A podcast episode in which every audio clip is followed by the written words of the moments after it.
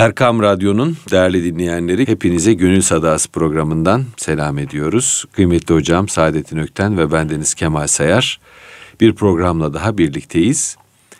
Ee, bugün kıymetli hocam e, yetişme telaşını konuşalım, yavaşlığı konuşalım. Hayatın içinde e, siz bir önceki programda o kadar güzel bir cümle söylediniz ki hayatın içinde e, ne kadar koşarsak, ne kadar hızlı gidersek o kadar rızk edineceğimiz, o kadar mal mülk e, biriktireceğimiz e, şeklinde bir yanılsamaya sahibiz. Ama siz dediniz ki programda rızk takdir edilen kadardır. Öyledir değil mi yani? Böyle inanıyoruz yani. Amenna ve saddakna. Fakat insan yine de e, bilinç altında bir şey, bir dürtü onu zorluyor, kamçılıyor sanki ne kadar ileriye giderse o kadar altın toplayacakmış gibi e, evet. geliyor. Bir hikaye geldi şimdi benim aklıma. Buyurunuz dinleyelim. Padişahın bir konuda teveccühüne mazhar olmuş bir insan dile benden ne dilersin diyor. Padişah diyor ki padişah ben diyor şu parayı havaya atacağım. Yere düşene kadar çevrelediğin yerler senin olacak. Yani padişahtan o mal mülk diliyor. O da padişah da böyle bir şey öneriyor kendisine. Çok yukarılara atıyor parayı. O kadar yukarılara atıyor ki e, kişi de koşmaya başlıyor. Fakat koş, koştukça diyor ki biraz daha koşayım. Olmuşken biraz daha olsun ama kurala göre geri döndüğü anda ancak gittiği yere kadar olan yeri sahiplenebilecek. Hmm. Fakat koştukça daha da koşmak istiyor. Koştukça daha da koşmak istiyor. Bakıyor para henüz havada biraz daha koşuyor. Sonra para düşüyor tabii o çok uzaklarda kalıyor ve hakkını kaybediyor. İşte insanın şeyi de yarışı da buna benziyor hocam. Biz o para hep havada kalacak zannediyoruz. Daha da ileri, daha da fazla e, gitmek istiyoruz ama sonuçta hüsran oluyor. Evet. Bu hem insan için böyle hem de toplumlar için böyle. Mesela modernite için de böyle. Yani e, bu 20. yüzyılın başındaki büyük kırılma yani Birinci Dünya Savaşı Batı'nın beklediği bir şey değildi. Batı koştu para havada zannediyordu hep. Hı hı. Bir anda düştü ve düşen para değil bir büyük medeniyetin e, yapısı düştü ve parça parça oldu. Bunu hala böyle değerlendiremeyen insanlar var dünya yüzünde. Ama bu böyle. E, bir de İkinci Dünya Savaşı onun devamı zaten modernite çatırdadı. Bugün de o artık yıkılma noktasına geldi fakat hala e, iddiayı sürdüren insanlar var. Yani e, koşma nereye kadar ve para ne zaman düşecek? Bu paradigma çok önemli. Bu güzel bir metafor oldu yani. E, şöyle düşünüyorum ben. E, tabii yani bu ben şöyle düşünüyorum derken bu bana ait bir hadise değil. İçinden geldiğim eğitim sürecinin bana yüklediği bir misyon, bir verdiği bir görün, görünüş, bir e, bakış açısı, bir noktayı nazar. E, hayat belli. Başı belli ama sonu belli değil. Her gün bize verilen yeni bir fırsat, günün içindeki anlar da bize verilen yeni bir fırsat.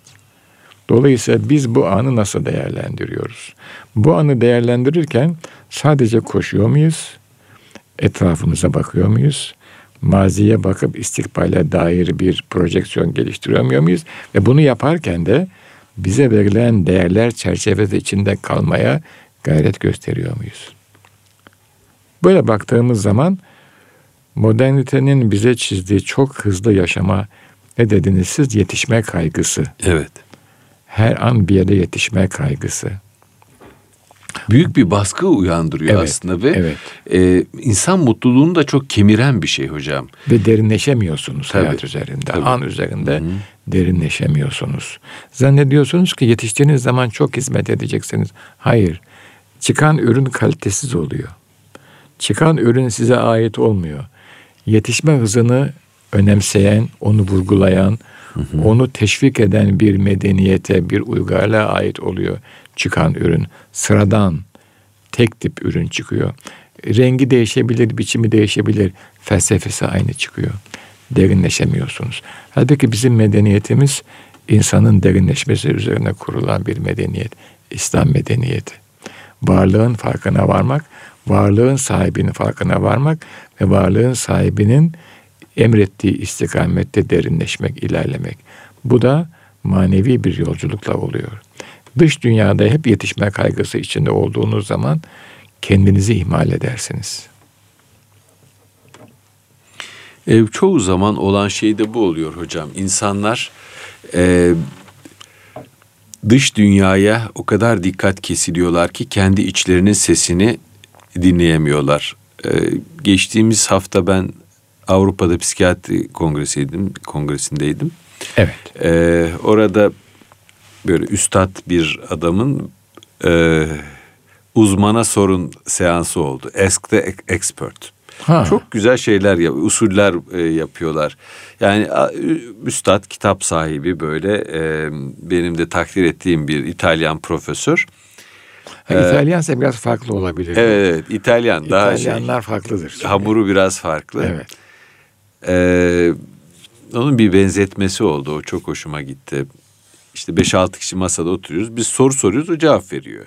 Yani ha, hatta öyle, yani. bazen meydan okuyoruz yani. Spontan bir şey yani. Spontan. Ee, dedi ki şimdi bu e, özellikle diyalog, sohbet e, filan e, üzerlerine e, üzerine yazan felsefi psikiyatri konusunda çok e, bilgili biraz Heideggeryen filan e, bir adam. İki gözle dünyaya bakmanız lazım dedi. Biri dışarıyı tarassut ederken biri sürekli içini, içinize bakacak. Yani hastanızla aranızda ne olup bittiğine de bakacaksınız. Onu ancak kendi içinizi bir enstrüman olarak, kendi kişiliğinizi bir enstrüman olarak kullanırsanız fark edebilirsiniz. Yani bir olguların dünyasında ne oluyor? Hasta kaşını mı kaldırıyor, gözünü mü kaldırıyor, yüzünü mü buruşturuyor? İki, o sırada onu yaparken sizin iç dünyanızda ne cereyan ediyor? Ayna. Evet. Yani kendi ruhunuza Aa, bakmayı başaramazsanız güzel iyi terapistlik yapamazsınız diye bir e, benzetme yaptım. Kalpten kalbe yol vardır. Evet. Bendeki çağrışımlar bakın şu anda böyle böyle gelişti. Evet. Bir ayna metaforu. Hı hı. Evet. Sonra e, işte e, ancak böyle e, biz kendi duygularımızın üzerinden karşımızdaki insanı tanıyabiliyoruz. Bizde ne uyandırıyor? Bir üçüncüsü geldi. Hal saridir. Fethi abinin sözüdür. Evet. Hal saridir. Tabii. Sizin içinizdeki hal hastaya tedavi tabii, işte öyle bir şey. Tabii tabii. Zaten mesela siz diyelim ki geçmişte çok sizi öfkelendiren bir insana benzettiniz o günkü tavırlarını ve tehdit altında hissettiniz. Siz farkında olmadan ona kızgınca davranmaya başlıyorsunuz. Öfkeli davranmaya başlıyorsunuz evet. ve, ve fakat bunun farkında değilsiniz. Ee, İster karşı, istemez oluyor bu. E, ama o insan hissediyor onu. Ediyor tabii. Ve birden ilişki bozulmaya başlıyor. Yani insanın e, ruhları arasında, bilinç altları arasında da gidip gelen bir sürü alt akıntılar var. Tabii doğru. Bir görünen nehir var, bir de o nehrin altında alt akıntılar var. İşte içe bakmak biraz onu e, getiriyor. Büyük mürşitler işte o alt akıntıyı ha, kullanıyorlar. İşte hocam e, aslında büyük mürşitler büyük psikoterapistler. Doğrudur. E zaten tabi bel kulüp diyorlar büyük mürşitler. Tabi tabi bel kulüp. Tabi tabi bel kulüp diyorlar yani.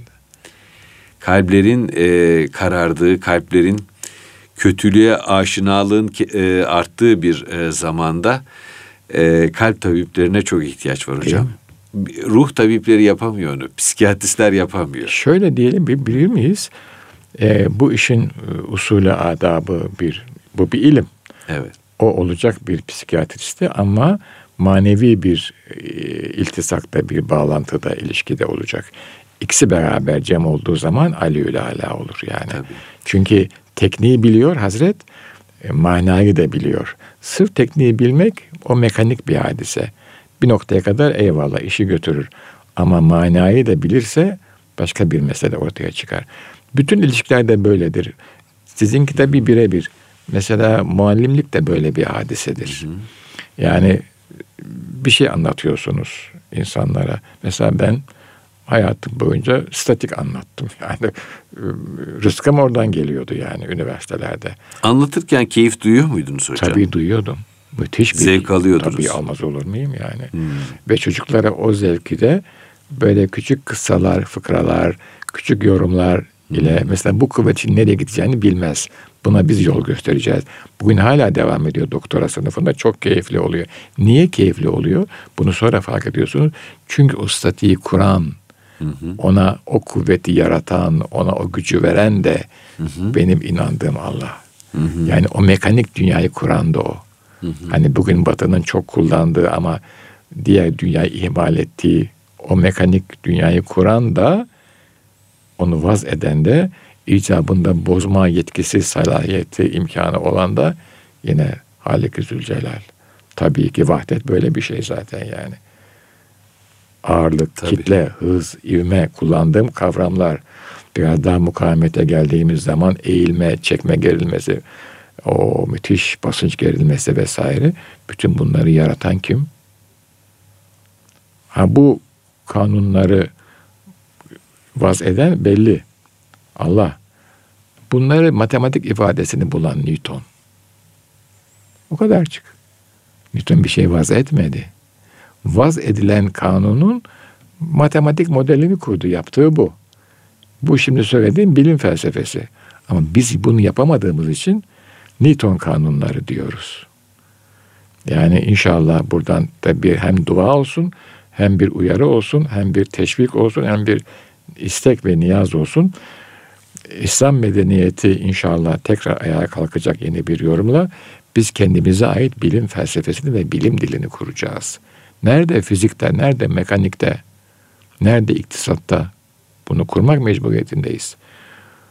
Newton'un yaptığı şey Cenab-ı Allah'ın vaz ettiği kanunların, kuralların matematik modelini kurmuştur. Yaptığı budur. Kanun manı vaz etmek hakkı yok. Kaldıramaz da zaten yani. Bitti bu kadar. Kaldı ki Newtonyen e, fizik tasavvurunda aş, e, e, alem Aşıldı. tasavvurunda açtık. Aşıl çoktan hatta 19. asırda aşıldı. Tabii. Örsted'le başladı hadise. Ee, Einstein'le neticelendi yani. Ee, Max Planck'la bitti mesela. Neyse yani olay öyle bir hadise. Ama biz işte o makro alemde hala onu kullanıyoruz. İşe yarıyor. Neticede yani o siz ne işle uğraşırsanız uğraşın. Mesela muallimlik, mesela hakimlik. Tabii ki hekimlik çok mühim. Çok mühim. Ee, bunlar da e, bir mevzu anlatıyorsunuz ama anlattığınız mevzunun arka planında onu nasıl anlatıyorsunuz? Nereden yakalıyorsunuz? İşte kalpten kalbe yolu kuramazsanız sınıfa hakim olamazsınız. Hakim olamayınca siz de hiç zevk almazsınız. Öyle benim bir iki sınıfım olmuştur. Şu tatil gelse de bu çile bitse gibilerinden.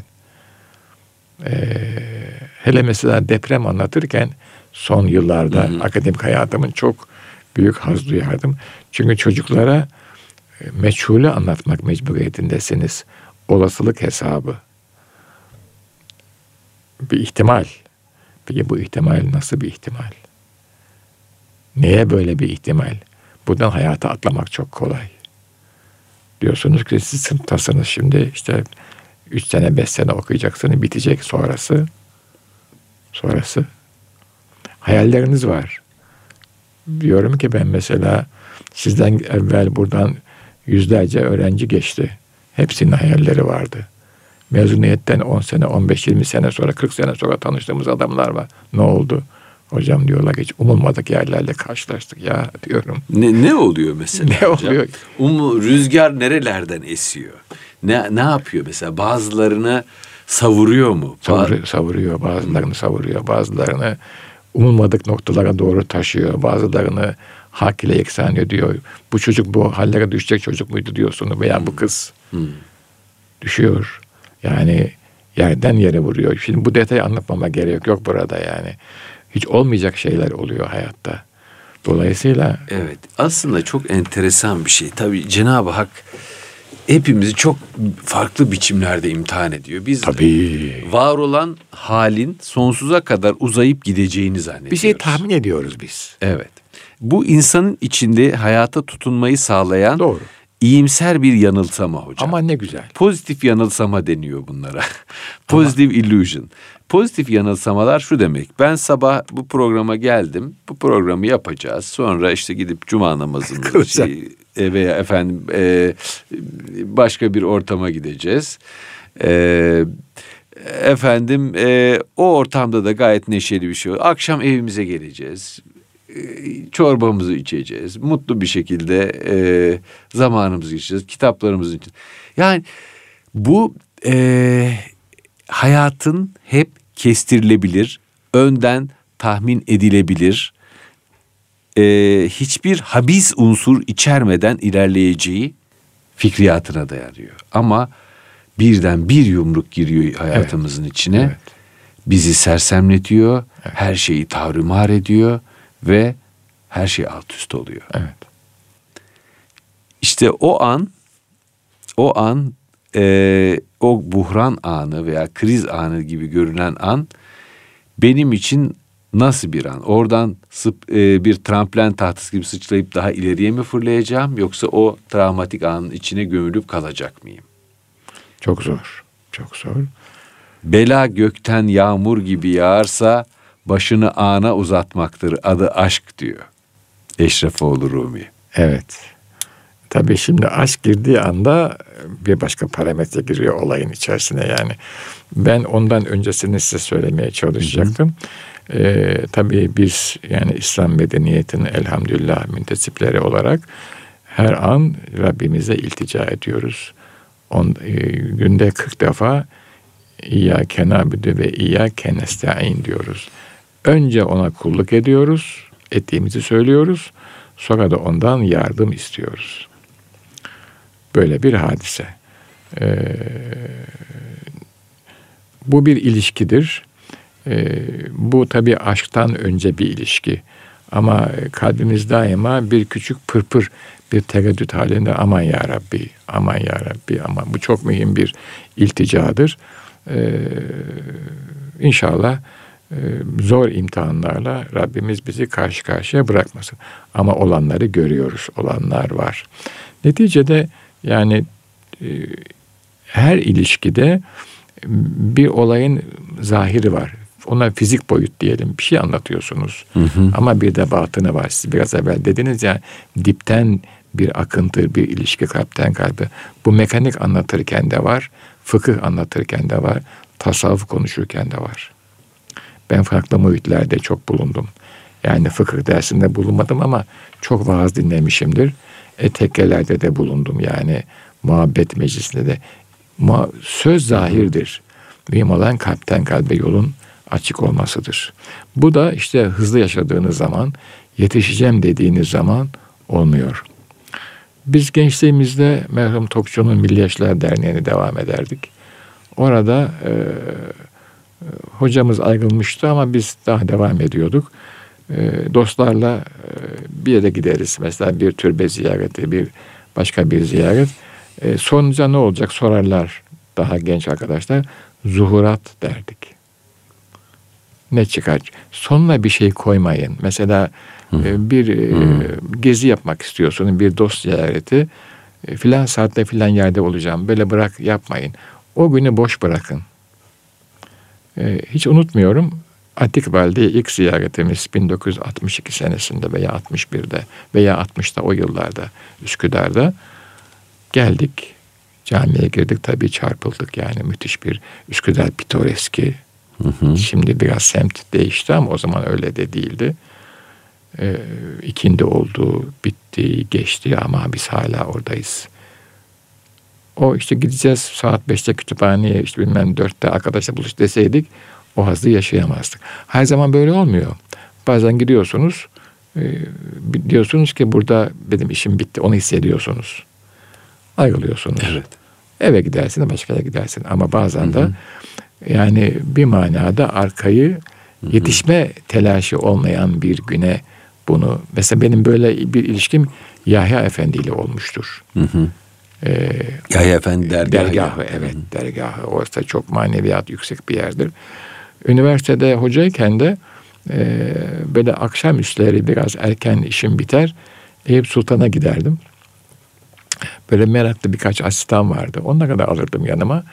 Çok fazla konuşmazdık. Akşam namazı vakti Eyüp Sultan'da biraz zaman geçiririz. Belki bir salep içeriz sonra evlere dağılırız. Ee, sonra tabii İstanbul çok kalabalıklaştı. Biz yaşlandık. e, ulaşım vesaire. Ama şimdi o hatıralarla yaşıyoruz. Ve ben e, İstanbul dışarı e, çıkışlarımda e, çok fazla yüklememeye çalışıyorum e, zembili. Zembil zihin ve gönül. Hı hı. E, akışa bırakmaya çalışıyorum. Hı. Çünkü bakıyorsunuz öyle bir akış zuhur ediyor. Oradan bir şey geliyor vesaire. E, insan olmasa bile e, şunu çok net ifade edeyim. Belki yaşta ilerlediği için akşam gruplarını pek seviyorum. Yani o grubun akşam ezanına kadar olan hazzını yaşamak e, o şimdi bana ayrı bir haz veriyor yani. O sırada bir yazı, bir televizyon, bir telefon gelse e, o şeyi bozuyor. Hatta bu minvalde gene bir şey söyleyeyim. Bir itiraf, belki bir e, de özür beyanı. Geçtiğimiz kandilde e, telefonu kapattım. Başlangıçta açıktı. E, o kadar çok telefon, çok iyi niyetli insanlar. Ama kandil bir akşam yani. Ben yalnız kalmak zorundayım. 40 kişi aramış. Bu hamd ediyorum, şükrediyorum ama bir manada da bunu nasıl dengeleyeceğim onu da bilemiyorum. Hepsi hatır soruyor, hepsi dua ediyor. Ee, bu 40 kişiyle ben nasıl başa çıkacağım? Çıkmalı mıyım? Onu da bilemiyorum. Bu hmm. ilişki sizi bitiriyor yani. Tabii tabii tabii. Ee, hocam eskiden telefon yoktu değil mi? Yoktu. Ne kadar rahatmışız. Ruhların arasında irtibat daha fazlaydı. Ne kadar rahatmışız. Telefon Şimdi ben de e, telefonla münasebetimizi çok iyi ayarlamak zorundayız. İnsanlar gerçekten iyi niyetli. Çok iyi niyetli. Ee, bir taraftan vicdanım cızlıksız Tabii ediyor. hal hatır sormak, evet. hatır, hatır şinas olmak bunlar fevkalade güzel meziyetler. Fakat siz o gece Rabbinizle baş başa kalacaksınız. En azından yani bir kendim evet. şöyle bir değil mi yani? Bir kendinizi dinleyeceksiniz. Dinleyeyim yani şöyle bir oturayım. Hocam bu e, telefonu kapatmak lazım. Hatta günün içinde de kapatmak lazım. Şimdi maalesef şöyle bir e, his oluştu. Bende de var. Yani elimden düşmüyor. Her an acaba bir haber mi gelir? Şimdi özellikle e, biraz da bu sosyal medyaya müptela haline gelince işte e, oradan bir haber mi kaçırıyorum? Önemli bir şey oldu da benim haberim mi yok? Buna bir yazar The End of Absence diyor. Na mevcudiyetin yokluğu. Absent olamıyorsunuz. Na mevcut hmm. olamıyorsunuz. Aa, ne güzel. Sürekli hep varsınız. Hep hep birileri için mevcut ve hazırsınız. Bu da içimizle ilgili dikkatleri e, maalesef eriyor, e, pörsütüyor kıymetli hocam. Bu benim kendimde çok yaşadığım şey. Ama Dertliyim bir, biraz bu konuda. Ama bir taraftan da diyorsunuz ki bak adamlar arıyorlar. Ne güzel. Onlara da cevap vermemiz lazım ama bu ciddi bir ikilem. Benim bir arkadaşım var. Hı hı. O e, Sapanca'da oturur kendisi. Hı hı. Mevlevi e, büyüklerinden. O kandil günleri sabahtan telefon eder. Hmm, güzel. Sabahtan, o çok güzel. Sabahtan, evet. Sabahtan telefon eder. Bir incelik bu mesela. Evet. evet. O zarif bir, bir, bir çocuk yani 70'i geçti çocuk. o öyle sabahtan telefon eder. Üç aylar başı kandil günleri, Ramazan-ı Şerif, Hı-hı. bayram o sabahtan. Diğer e, dostlar da böyle öğleye doğru ama gençler akşamüstü, Hı-hı. yatsı vakti. Onlar da haklı. Çünkü Ramazan, bayram, kandil filan hayat akıyor. Eskiden mesela dururmuş hayat o günlerde. Şimdi akıyor. Adam işini gözünü görüyor. Akşam geliyor evine işte bir iki bir şey yapıyor. Televizyonu açıyor. Mevlide falan bakıyor. Telefon ediyor. Çok güzel bir şey. Yani vicdanen de rahatsız, rahatsız oluyorum yani kapattığımdan dolayı ama e, en azından haftada veya ayda bir akşam da bana kalsın diye düşünüyorum. Yani e, tefekkür edeyim, şöyle kendime geleyim. Yani bir, bir sayfa Kur'an okusam bile ağız tadıyla okuyayım şunu diyorum yani. Hocam belki bütün dinleyicilerimize bir elektronik perhiz önerebiliriz. Ne güzel bir söz oldu bu. Elektronik perhiz. perhiz. Evet, evet. Kendinizi fişten çekin diyelim. Evet, evet. Ee, şimdi ben dün e, bir yazı yazmam gerekiyordu. Sabah kalktım, kahvaltımı yaptım. E, yazı masasının başına oturdum. Fakat maalesef bu telefonu da e, bir kenara koymuşum. Tam başlıyorum bir cümle yazıyorum vız diye oradan bir sinyal geliyor. İkinci cümle vız efendim e, artık e, baktım bu iş olmayacak kapattım e, benden de uzaklaştırdım. Ondan sonra yazımı bitirdim sonra açtım. Verimliliği insanın anda oluşunu yapılan e, ne, neyse o işi fevkalade sabote eden bir şey. E, sürekli bağlantıda olma hali. Sürekli bağlantıda olmayı verelim. Olmayı verelim. Şimdi camilerin girişinde e, çok güzel bir şey yazıyor. Bazı camilerin girişinde esprili. Böyle esprilere camilerimizin ihtiyacı var aslında.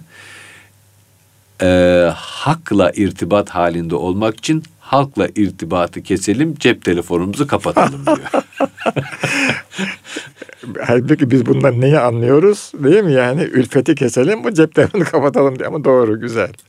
Hakla irtibat kurmak için halkla irtibatı tamam. keselim. Bu eski bir söz. Yani evet. Asırlardan biri ama evet. şimdi yorumu nasıl geliyor? Cep, evet, telefonu. cep telefonunuzu Hatta bazı cep telefonu üzerine bir çarpı çekilmiş öyle. Hani trafik, sokak girilmez gibi bir şey var evet. evet, evet. Güzel olmuş, güzel olmuş. Ya bu söz yaygın kullanılır mıydı hocam? Ee, siz hatırladınız Ay şöyle, bu sözü. Tabii yani hani işte meşhur e, hakka makbul olmak ister halka menfur olmadan evet. diye filan tabii tabii yani hakla olan irtibatı ama o şöyle bir şey yani insanlarla çok fazla uğraşırsanız hı hı. yani e, muhabere, mükaleme, ilişki kurarsanız o sizi sığlaştırır manasına yani ülfeti kes biraz uzlete çekil manasına idi o. Evet. Bu şimdi cep telefonuna indirgendi. Bu evet. da güzel bir şey yani. Bu da güzel bir şey.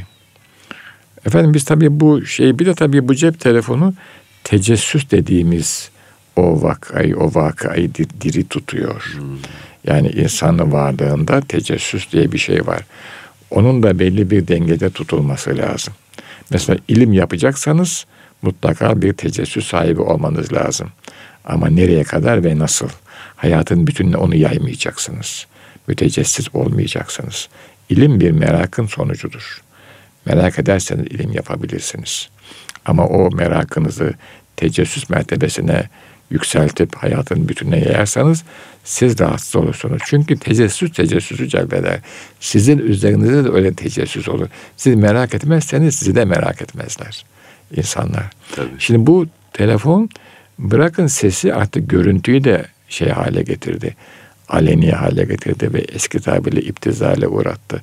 Şimdi adam görüntü de yolluyor size. Öyle böyle alakalı alakasız. Ve sizin hep varlığınızdan küçük parçalar koparıyor bu. Sizi yüz, yüze çekiyor.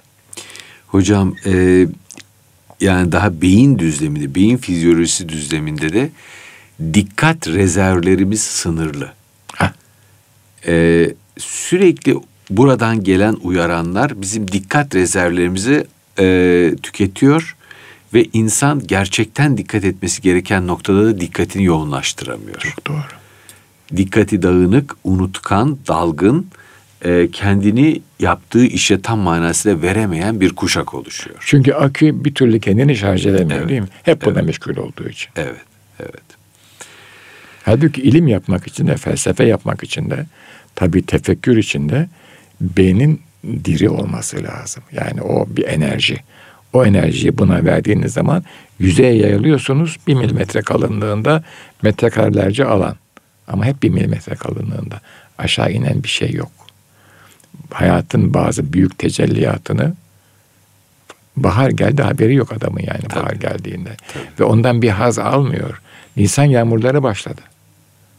Rahmet yağıyor. ılık bir gün. Tabii. Kuşlar seher vakti, gece bülbüller farkına varın. Bunların hepsi tecelli. Hepsi bize bir şey söylüyor. Hayatın dönüm noktalarını e, fark etmeden yaşıyoruz. Modern şehir biraz da e, şehire değinip isterseniz e, hitame erdirelim konuşmamızı. E, steril bir ortam maalesef, yaratıyor. Maalesef. Yani tabiatı kovuyor. E, hayatın çevrimlerini görmemize mümkün olduğunca az zaman veriyor bize maalesef. ya da az fırsat veriyor. Maalesef. Dolayısıyla e, beton blokların arasında baharın geldiğini dahi hissetmeden yaşayan bir betona, sürü insan. Betona bahar gelmiyor çünkü. Betona bahar gelmiyor. gelmiyor Betonun çünkü. arasında kuşlar şakımıyor. Şakımıyor evet yani. Ee, ve insanı rekabete ve çatışmaya çağırıyor. Kadim şehir insanı ne kadar esenliğe çağırıyorduysa modern şehir ise e, zaten merkezine finans merkezlerini, bankaları efendim bu yarışmacı kurumları koyarak sizi de hızlanmaya, telaşa, koşturmaya e, ve hayatın özünde saklı olan çok değerli şeyleri görmemeye. Özü zorluyor. kaybetmeye. Özü kaybetmeye. Evet, evet maalesef. Ha sonra ne oluyor hocam? Özde olmayan sözde işportaya düşüyor. Özde aşk yok. Biz her, herkes aşktan bahsediyor. Bakıyorsunuz yani. İyilik, güzellik e, kayıplara karışmış. Herkes bir iyilik, güzellik timsali olarak e, bir şeylerden dem vuruyor. Köy kahvaltısı. Her yer köy kahvaltısı veriyor. Çünkü bir otantistiğe e, dönüş özlemi var. İçimizdeki ana yurduna, ana rahminin te- tekinliğine dönüş özlemi var. Dolayısıyla hepimiz saldırıyoruz. Köy kahvaltısı arıyoruz sabahları. Pazar sabahları. Böyle bir sahicilik de kaybediliyor maalesef modern şehirde. E çünkü modern toplum tüketim üzerine kurulmuş bir toplum. Şimdi önce zenginleri mallarını tükettirdiler. Yani vak- mal dediğimde vakit tüketiyorsunuz, zihin tüketiyorsunuz, gönül tüketiyorsunuz. Sonra baktı ki bu tüketim yetmiyor. Bu tüketim hacmi küçük geldi. Bu defa kitleye döndü. Kitlenin tüketecek çok parası yok. Ona dönük bir yatırım başladı. Kitle de bu konuda fevkalade e, korumasız, çok saf kitle. E, kitle e, kendisinin maalesef kelimeyi kullanacağım insan yerine konulduğunu zannetti. Hı hı, Çünkü hep dışlanmıştı kitle. hı hı, Esas kitle insan olan kitleydi. hı hı. Ama o dışta dışlayan güçlüler, maddi güçlüler tarafından insan yerine konulduğunu zannetti. Hı hı. E, hoşuna gitti ve korumasız gönlünü açtı onlara. Şimdi kitleyi tüketiyor güçlüler. Büyük finans, kitleyi tüketiyor, küreseller. Bütün dünyada bu böyle, Türkiye'de de böyle. Kitleyi tüketiyorlar. Ve kitle tükendiğinin farkında değil. Çünkü korumasız aşısı yok korumaya karşı.